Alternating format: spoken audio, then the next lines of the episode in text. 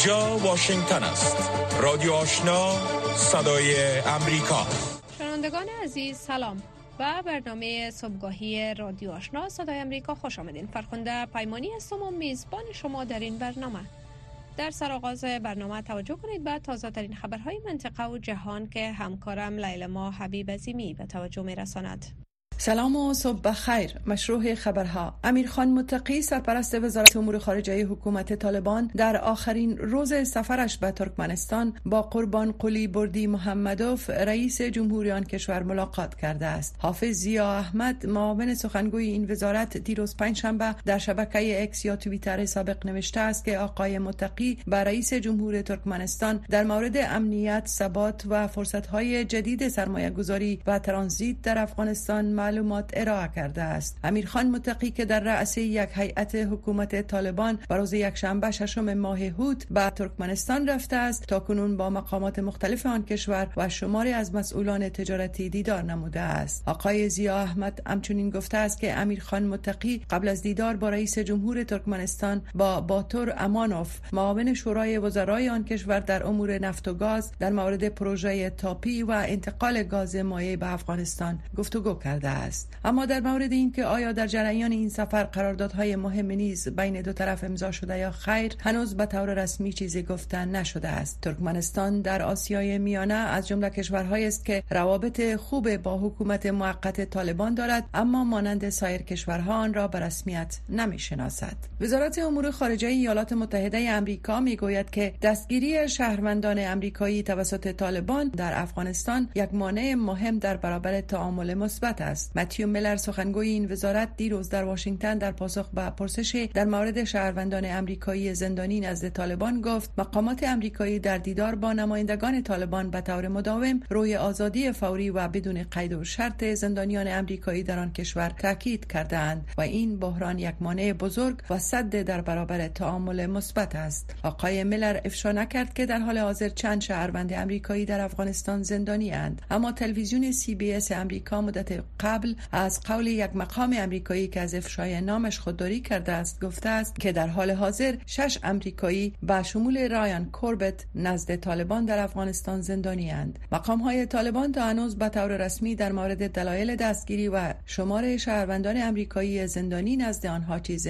نگفتند. مرکز خبرنگاران افغانستان از تصمیم احتمالی طالبان برای منع کار زنان در رسانه ها به دلیل نپوشاندن چهره ابراز نگرانی شدید کرده است. این نگرانی 28 فوریه در اعلامیه مرکز خبرنگاران افغانستان نشر شد که بر اساس آن محمد خالد حنفی سرپرست وزارت امر به معروف و نهی از منکر طالبان در یک نشست با نماینده های رسانه ها گفته است که اگر خبرنگاران زن صورتشان را در هنگام ظاهر شدن در تلویزیون ها و یا مصاحبه های تصویری بر اساس مقررات طالبان نپوشانند ممکن است کار در رسانه ها منع شوند. در اعلامیه آمده است که این نشست روز سهشنبه با حضور مسئولان و نمایندگان رسانه ها در یکی از هتل های شهر کابل برگزار شد. در اعلامیه گفته شده است که برخی از نمایندگان رسانه ها و مرکز خبرنگاران افغانستان گفتند که عبدالغفار فاروق سخنگوی وزارت امر به معروف و نهی از منکر طالبان با آنها توصیه جدی کرده است که کارمندان زن به گفته او حجاب را که تنها دو چشم آنها دیده می شود مراعات کنند. مرکز خبرنگاران افغانستان از طالبان خواست این دستورالعمل جدید را لغو کنند و بگذارند که رسانه ها و خبرنگاران در افغانستان بر اساس قانون رسانه های همگانی فعالیت کنند.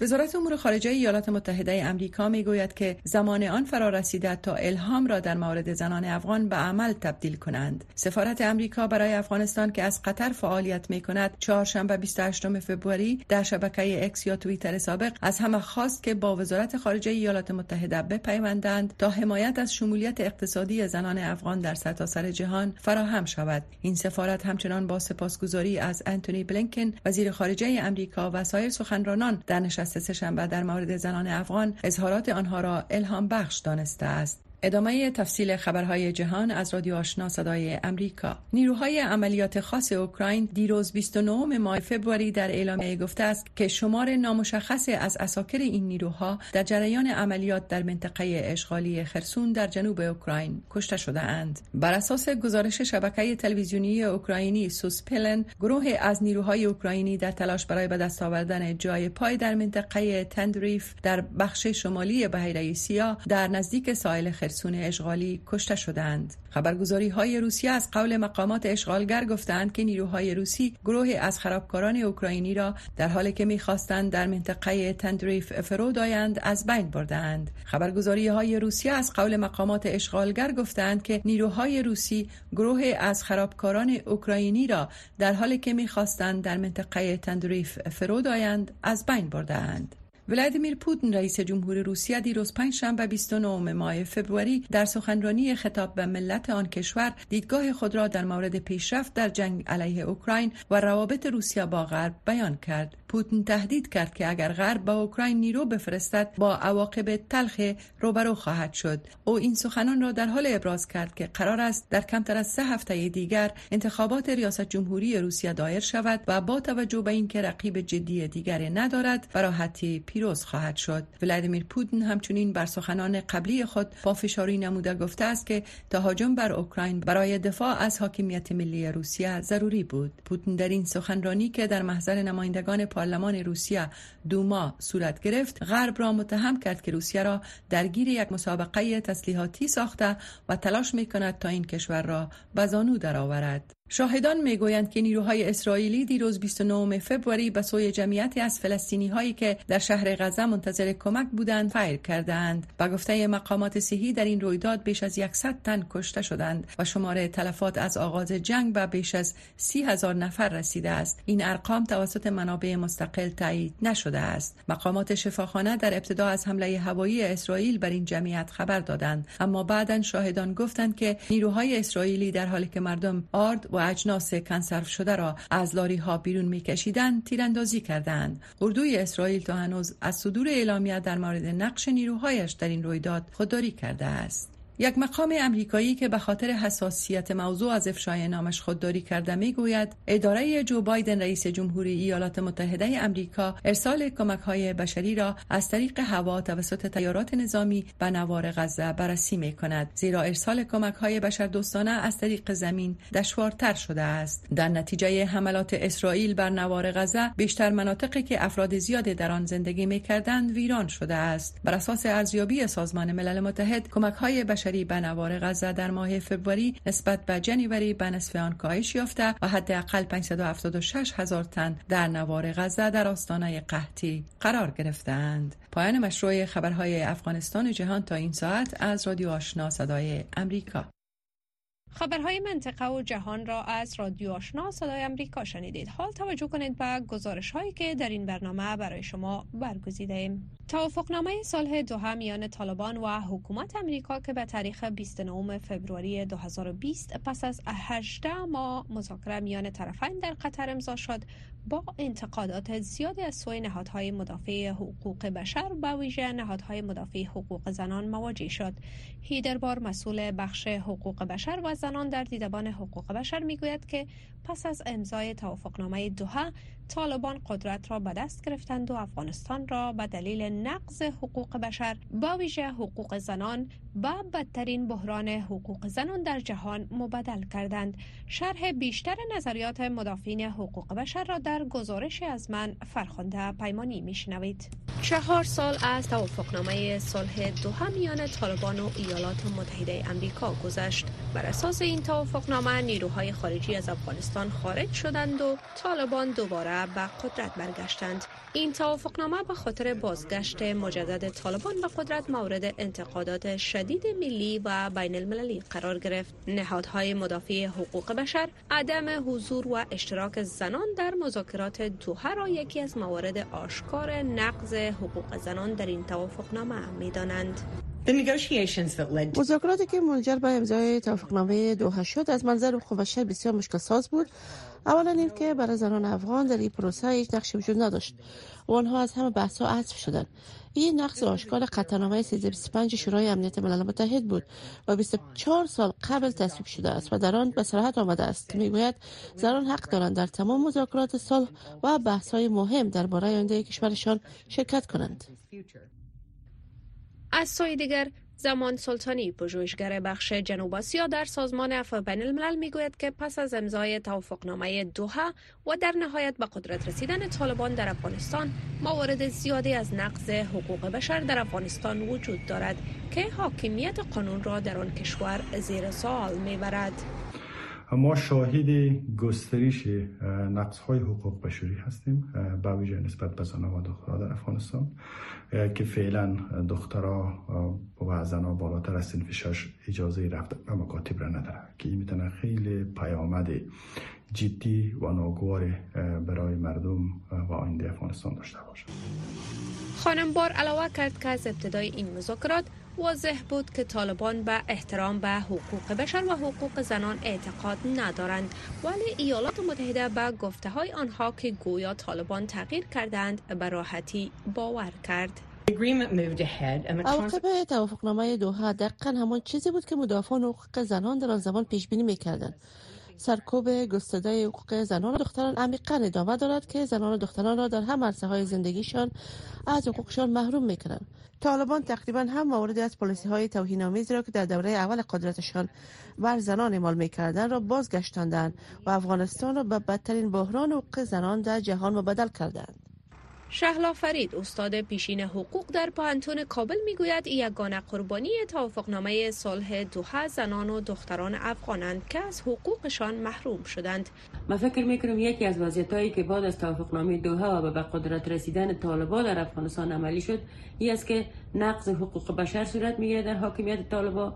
دروازه مکاتب برای میلیون ها دختر افغانستان بسته است. و چون این موضوعات در داخل توافقنامه به تماس گرفته نشده بود امروز طالبا بعد از به قدرت رسیدن خود تمام حقوق اساسی زنان را نقض کرد اکنون که بیشتر از دو نیم سال از حاکمیت طالبان بر افغانستان میگذرد در موقفگیری سختگیرانه این گروه درباره زنان حقوق بشر و شیوه حکومتداریشان هیچ تغییر مثبت رونما نگردیده است بلکه محدودیت ها بیشتر و فضا برای زندگی زنان تنگتر شده است. اما طالبان همواره از موقف حکومتشان دفاع کرده و می‌گویند حقوق زنان در افغانستان در چوکات اسلام تامین است.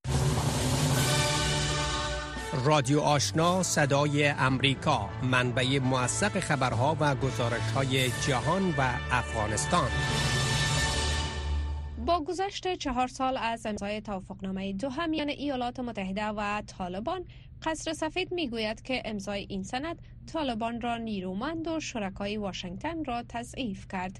نمایندگان ایالات متحده و طالبان پس از هشت ماه مذاکرات این توافقنامه را که منجر به خروج نظامیان امریکایی از افغانستان شد به تاریخ 29 ماه فبروری سال 2020 در دوحه پایتخت قطر امضا کردند.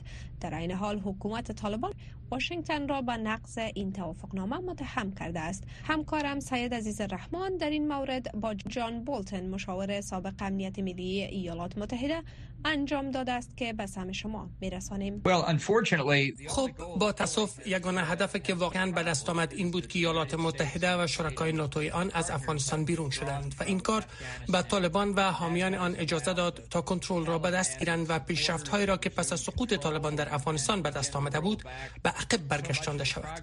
واضحا که برای مردم افغانستان یک وضعیت بسیار بدی بوده است. فکر می کنم چیزی که برای همسایه های افغانستان و مردم جهان تهدید کننده می باشد این است که طالبان باری دیگر به جنگجویان تروریست خارجی اجازه ورود دادند و آن کشور را به یک محل امن برای آنان تبدیل کردند. این کار مردم را در سراسر جهان با خطر دچار می کند فکر می کنم نتیجه گیری که در سال روز این سند می توانید داشته باشید این است که یک توافقنامه بسیار بدی بود. زمانی که این توافقنامه امضا می شد درک درست از وضعیت در افغانستان وجود نداشت و خروجی که صورت گرفت نیز به گونه بسیار بد تطبیق شد. اساسا این تصور که گویا طالبان مطابق با تعهدات خود عمل خواهند کرد و قطع حمایت جامعه جهانی که پس از سرنگون شدن طالبان و شکست القاعده با مردم افغانستان صورت گرفته بود بزرگترین اشتباه بود ولی در جریان مذاکرات دوحه که در نهایت به توافقنامه دوحه انجامید شما اینجا در قصر سفید مشاور امنیت ملی ایالات متحده بودید پس نظر یا نقش شما چی بود؟ خب پیرامون مذاکرات در کتابم. اتاقی که در آنجا اتفاق افتاد به طور وسیع نوشتم و من در مورد مذاکرات پیرامون برخی از امتیازاتی که در نظر گرفته شده بود مشکل داشتم. واضحا که در مورد نتیجه آن نیز مخالفم. ولی رئیس جمهور ترامپ هدایت آن را داره بود. او می‌خواست تا نظامیان امریکایی را از افغانستان بیرون کند. او در مورد اینکه پیامدهای آن چه بوده می‌تواند فکر نکرد و یا اگر فکر آن را کرده بود ولی به آن توجه نکرد. واضحا که او در انتخابات 2020 شکست خورد و اگر رئیس جمهور بایدن به این باور بود که توافق نامه دو یک معامله بد است می توانست ایالات متحده را از آن خارج کند. ولی او به پیش رفت و توافق نامه ترامپ را اجرا کرد. بنابراین دو رئیس جمهور است که مقصرند. ولی قصر سفید تاکید دارد که توافق نامه دوحه برشان از حکومت رئیس جمهور دونالد ترامپ به ارث مانده. به عنوان کسی که رؤسای جمهور را در بیرون شدن از بسیاری توافقنامه ها و قراردادهای بین المللی کمک کردم همیشه اجازه دارید که از یک قرارداد بیرون شوید. این سند حتی یک قرارداد هم نبود. در حقیقت یک توافقنامه غیر امضا شده بود. بنان فکر می کنم کاملا امکان پذیر بود که جو بایدن یا از آن به گونه کامل بیرون می‌شد و یا می گفت که تطبیق روند خروج را تا زمانی آغاز نمی کنیم که از جانب طالبان شواهد بیشتری در مورد عملی کردن تعهداتشان نداشته باشیم. فکر فکر می کنم برای مردم افغانستان این روند در کل به نهایت بد بود و یک اشتباه بد استراتژیک برای ایالات متحده بود. شما گفتین که یگانه دستاورد توافقنامه دوحه خروج ایالات متحده از افغانستان بود. و رئیس جمهور بایدن نیست تاکید داشته که نمی‌خواست طولانی ترین جنگ در تاریخ ایالات متحده را به پنجمین رئیس جمهور ای کشور به میراث بانه. پس با باور شما چی گزینه دیگری به خاطر پایان دادن این جنگ طولانی وجود داشت؟ خب فکر می کنم که این اظهارات منعکس کننده نداشتن درک واقعی از وضعیت می باشد. نظامیان امریکایی اکثرا در جنگ دخیل نبودند. هدف حضور ما به عنوان بخشی از مأموریت ناتو آموزش دهی نظامیان افغان بود. فکر می کنم که تا زمان خروج در سال 2021 ادامه حضور نظامیان امریکایی و ناتو در افغانستان متفاوت تر از حضور نظامیان امریکایی پس از جنگ جهانی دوم در آلمان و ژاپن نبود. یعنی فراهم کردن ثبات و کمک به مردم افغانستان بود. این آسان است که گفته شود می خواهیم جنگ های بی پایان را پایان بدهیم. ولی مشکل این است که در جنگ دو طرف یا اضافه تر از دو طرف دخیل می باشد و زمانی که یک طرف جنگ ابراز خستگی کند دشمن می گوید بسیار خوب خوشحالیم که از جنگ های بی پایان خسته شده اید و می توانید که از میدان بیرون شوید. و این کار است که ما انجام دادیم. ما زمینه را برای تسلیم دهی افغانستان به طالبان فراهم کردیم که به باور من یک اشتباه بزرگی بود. این پرسش که آیا حضور ایالات متحده ادامه می داشت؟ باید ادامه می داشت و این باید مسئولیت سیاسیون امریکایی به ویژه رؤسای جمهور می بود تا به امریکایی ها وضاحت می دادند که تا هر آن زمانی که نظامیان امریکایی با شرکای ناتو ما در افغانستان حضور داشته باشند و با حکومت افغانستان همکار باشند هم امریکا و هم دوستان ما در سراسر جهان از تهدید حملات تروریستی از افغانستان مسئول خواهند بود. ولی چون این چیزی را دیگر گفته نمی توانیم پس آیا امکان تطبیق کامل توافقنامه دوحه وجود دارد یا خیر؟ با تاسف تا زمانی که طالبان در قدرتند فکر نمی کنم که آنان کاری را انجام دهند که انحصارشان بر افغانستان و مردم آن کشور را متزلزل کند. فکر می کنم آنان یعنی طالبان تعهداتی را انجام دادند که فکر می کردند برای کسب توافق ترامپ و بایدن به خاطر بیرون کردن ایالات متحده ضروری بود و شاید هیچگاه اراده عملی کردن آن تعهدات را نداشتند که از آغاز مذاکرات متحد شده بودند. رادیو آشنا صدای امریکا هفت روز هفته. خبر و گزارش ها و تحلیل های خبری روز. پس از چهار سال دو طرف ایالات متحده و طالبان همچنان یکدیگر را به عملی نکردن برخی مواد این توافقنامه مقصر می دانند. محمد احمدی در این مورد گزارش دارد که به سهم شما می رساند. طالبان در توافقنامه دوحه به قطع رابطه با گروه های دهشت افکن تشکیل حکومت فراگیر و همه شمول و احترام به حقوق بشر تعهد کردند. ایالات متحده امریکا بارها حکومت طالبان را بر نقض توافقنامه دوحه به ویژه تداوم روابط با گروه های تروریستی از جمله گروه القاعده متهم کرده و گفته است که طالبان این توافقنامه را عملی نکرده است. اما طالبان ایالات متحده را به عدم پایبندی به این توافقنامه متهم کردند. ماروین با کارشناس مسائل افغانستان در انستیتوت شرق میانه می‌گوید که حضور ایمن و زواهری در کابل نشانه آن بود که حداقل برخی از طالبان با خصوص احتمالا شبکه حقانی حمایت خود را از القاعده بر نداشتند. انتظارات از این توافقنامه وجود داشت. البته که در توافقنامه نوشته نشده است. و آن این بود که طالبان هر وقت به قدرت برسند سیاست ها و پالیسی های اجتماعی را که در دوره اول حکومتشان در پیش گرفته بودند تکرار نخواهند کرد. این بخش در توافقنامه نبود اما تفاهم روی آن شده بود که آن گروه به آن عمل کند. البته در واقعیت این طور نشد و ممنوعیت های زیادی را بر زنان و آزادی بیان و مخالفین سیاسی خود اعمال داشتند. این کار طالبان باعث تعجب همه نشد بلکه ما امیدوار بودیم با وجودی که آن موارد در توافقنامه دوها به صراحت درج نشده است آن گروه به آن عمل خواهد کرد. اما محمد رسول طالب که عضو هیئت مذاکره کننده نظام جمهوریت بود می‌گوید هدف اصلی توافقنامه دوها که بین ایالات متحده و طالبان به امضا رسید حل مسئله افغانستان نبود بلکه مکانیزمی برای خروج نیروهای امریکایی و همکاری بعد از ترک افغانستان بود. آقای طالب معتقد است یک مشکل در خود قرارداد است و مشکل دیگری مربوط به استراتژی طالبان است.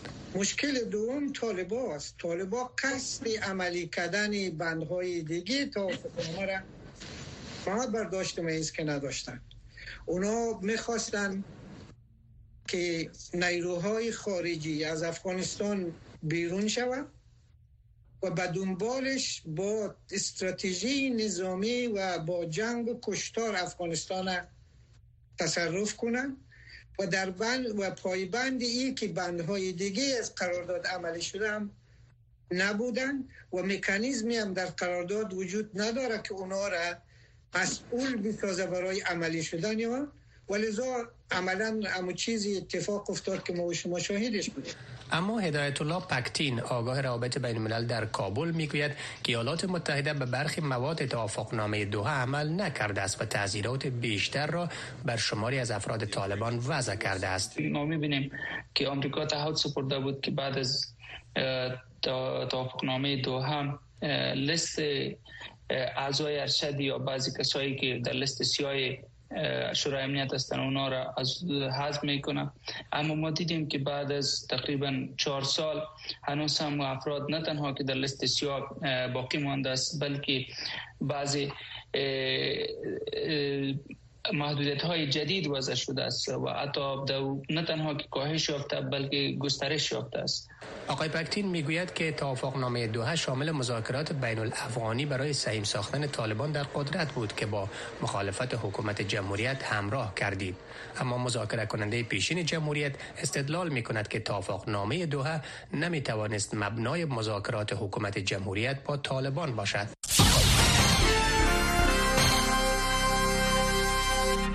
سرمقاله ای را که می شنوید دیدگاه های حکومت ایالات متحده را منعکس می کند. بر اساس گزارش اخیر از ارزیابی مستقل ملل متحد در مورد افغانستان در شرایط ایدیال بدون گذار از چرخه خشونت بیشتر و در مطابقت با قوانین بین المللی افغانستان به گونه کامل در نظام بین المللی مدغم خواهد شد. روزا اوتنبایووا نماینده ویژه منشومومی سازمان ملل متحد برای افغانستان و رئیس هیئت معاونت ملل متحد در افغانستان گفت این چیز است که در راستای آن باید کار شود اما به گفته وی در حال حاضر مشکلات زیادی وجود دارد. وی در سخنرانی در نشست شورای امنیت سازمان ملل متحد در حالی که نمایندگان در مورد گفتگو با طالبان بحث می کردند از تعامل سازنده با طالبان در موارد به شمول حقوق بشر و حکومتداری یاد کرد. از سوی دیگر بازگشت طالبان به قدرت توأم با بروز الگوی هشدار دهنده نقض سرتاسری حقوق بشر بوده است. پس سال این است آیا سودی دارد که گفتگوی با طالبان آغاز شود؟ رابرت وود نماینده بدیل ایالات متحده در امور خاص سیاسی سه موضوع مبرم را برجسته کرد که نیاز است حل شود. وود گفت نخست زنان افغان ملل متحد را ترغیب می کنند تا بر طالبان فشار وارد کند که زنان را در همه بخشهای اجتماع باید دخیل سازند. ایالات متحده تقاضای آنها را مشنود و تا زمانی که زنان و دختران دسترسی با مفهوم و آموزش کار و دیگر بخشهای حیات اجتماعی و سیاسی نداشته باشند هیچ اقدام عمده در راستای عادیسازی روابط با طالبان اتخاذ نخواهد کرد. و افزود دوم طالبان با ممانعت از کار زنان امدادرسان صد راه دسترسی به کمک های بشری می شوند. ایالات متحده به فراهم آوری کمک به نیازمندترین ها متعهد است. از سال 2021 بدین سو ما بیش از دو میلیارد دلار کمک بشری به افغانستان فراهم کرده ایم. لازم است دانسته شود این کمک های بشری به تنهایی بسنده نیست. از همین رو طالبان باید پلیسی هایی را برعکس کنند که زنان را از مشارکت در اقتصاد افغانستان باز می دارد. رابرت وود گفت که در نهایت ایالات متحده از ارزیابی مستقل سازمان ملل متحد در مورد افغانستان استقبال می کند که خواستار گزینش نماینده ویژه برای ایجاد یک گروه بین المللی تماس است. وی گفت این کار برای انکشاف یک نقشه راه مهم است تا تضمین شود که افغانستان به مکلفت های بین المللی خود پابند است. رابرت دود افزود شورای امنیت سازمان ملل متحد باید به کار مشترک ادامه دهد تا طالبان زیر فشار گرفته شوند و مسیر مخربشان را تغییر دهند. طالبان باید وارد گفتمان جدی با مردم افغانستان شوند از آرمانهای آنان حمایت کنند و بدرفتاری حقوق بشری خاتمه بدهند و اجازه دهند که مساعدت ها به مردم نیازمند رسانیده شود. آنچه را شنیدید باستاب دهنده نظر حکومت ایالات متحده بود. متحده امریکا می‌گوید آتش بس موقت در غزه تا حد مشکل رسانیدن کمک های بشری را حل خواهد کرد. این در حالی است که مذاکره کنندگان از امریکا مصر قطر روی چهارچوب یک آتش بس شش هفته ای کار می کنند که مطابق آن حماس شماری از گروگان های اسرائیلی را در برابر زندانیان فلسطینی رها خواهد کرد. در این میان وزیر خارجه اداره فلسطین در ژنو می‌گوید او معتقد است که حماس از ایجاد یک حکومت تکنوکرات در فلسطین حمایت می کند اما اصرار می‌ورزد که در حال حاضر نباید در هیچ حکومت ائتلافی شامل ساخته شود. جزئیات بیشتر را از ژیلان نوری بشنوید. وزارت خارجه ایالات متحده می‌گوید سازمان ملل متحد برای توزیع مواد غذایی و سایر کمک ها در داخل غزه با مشکلات روبرو است و باید همه جوانب جنگ به این مسئله رسیدگی نمایند. متیو میلر سخنگوی وزارت در کنفرانس خبری گفت در صورتی که تلاش ها برای توافق روی آزادی گروگان ها نتیجه بدهد این کار به یک بس موقت مدعی خواهد شد و مشکلات زیاد مربوط به توزیع کمک های بشری در غزه را حل خواهد کرد. سازمان ملل متحد نمی تواند مواد غذایی و سایر کمک ها را به دلیل وضعیت بد امنیتی به نیازمندان برساند. تمام جوانب جنگ باید به این مسئله رسیدگی نمایند و ما به خاطر آن تلاش می کنیم باید بگویم که ما همچنان برای رسانیدن کمک های بشری برای بازگشایی راه های بیشتر بر علاوه گذرگاه های رفح و کریم شلوم کار می کنیم و امیدواریم که با این کار مشکلات توزیع مواد تا حدی حل شود. ما سایر طرق رسانیدن کمک های بشری را نیز مورد غور قرار داده ایم این هفته کاروان حامل مواد غذایی به شمال غزه رسید. مقامات اسرائیلی روز چهارشنبه گفتند این اولین بسته کمک بزرگ از یک ماه بدین سو به شمال غزه می باشد جایی که سازمان ملل متحد از بدتر شدن قحطی برای صدها هزار فلسطینی که در تهاجم اسرائیل گیر ماندن هشدار داده است. در حالی که مذاکرات برای یک آتشبس موقت در بدل آزادی گروگان ها ادامه دارد جنگ در غزه ادامه داشته و آسمان غزه با حدود حملات اسرائیلی بار دیگر تیره شده است. جو بایدن از جمهوری آمریکا گفته است که رسیدن به یک توافق نزدیک شده است اما مقامات اسرائیلی و حماس در مورد آن آنقدر خوشبین نیستند. مذاکره کنندگان از امریکا مثل و قطر روی آماده کردن چهار چوکات توافق آتش بس شش هفته‌ای کار می‌کنند که به اساس آن حماس در بدل آزادی زندانیان فلسطینی شمال از گروگان ها را رها خواهد کرد. تا وقفه موقت در جنگ. مذاکرات برای آزادی سایر گروگان ها ادامه خواهد یافت. از سوی دیگر وزیر خارجه اداره فلسطین معتقد است که حماس از ایجاد یک حکومت تکنوکرات فلسطینی حمایت می کند اما تاکید نمود که در حال حاضر این گروه نباید در هر نوع ائتلاف شامل شود. ما به این باور هستیم که حکومت جدید باید مسئولیت کامل خدمات را در کرانه غربی و غزه بگیرد. حکومت فعلی که استعفا داد احتمالا آمادگی مسئولیت پذیری را نداشت. به همین خاطر ما فکر کردیم حکومت جدید باید در کرانه غربی و غزه مسئولیت را بپذیرد و به این دو منطقه باید به حیث یک واحد ارزی رسیدگی شود. المالکی همچنان اضافه نمود بیجا شدن فلسطینی ها باید متوقف شود تا کنون اکثریت مردم غزه یعنی دو سه میلیون نفر از خانه هایشان بیجا شدند. او همچنان اضافه کرد که حمایت سیاسی بین از حکومت تازه مهم است و حماس باید این مسئله را درک نماید. این بود داشته های نخستین برنامه صبحگاهی دری. تا چند لحظه دیگر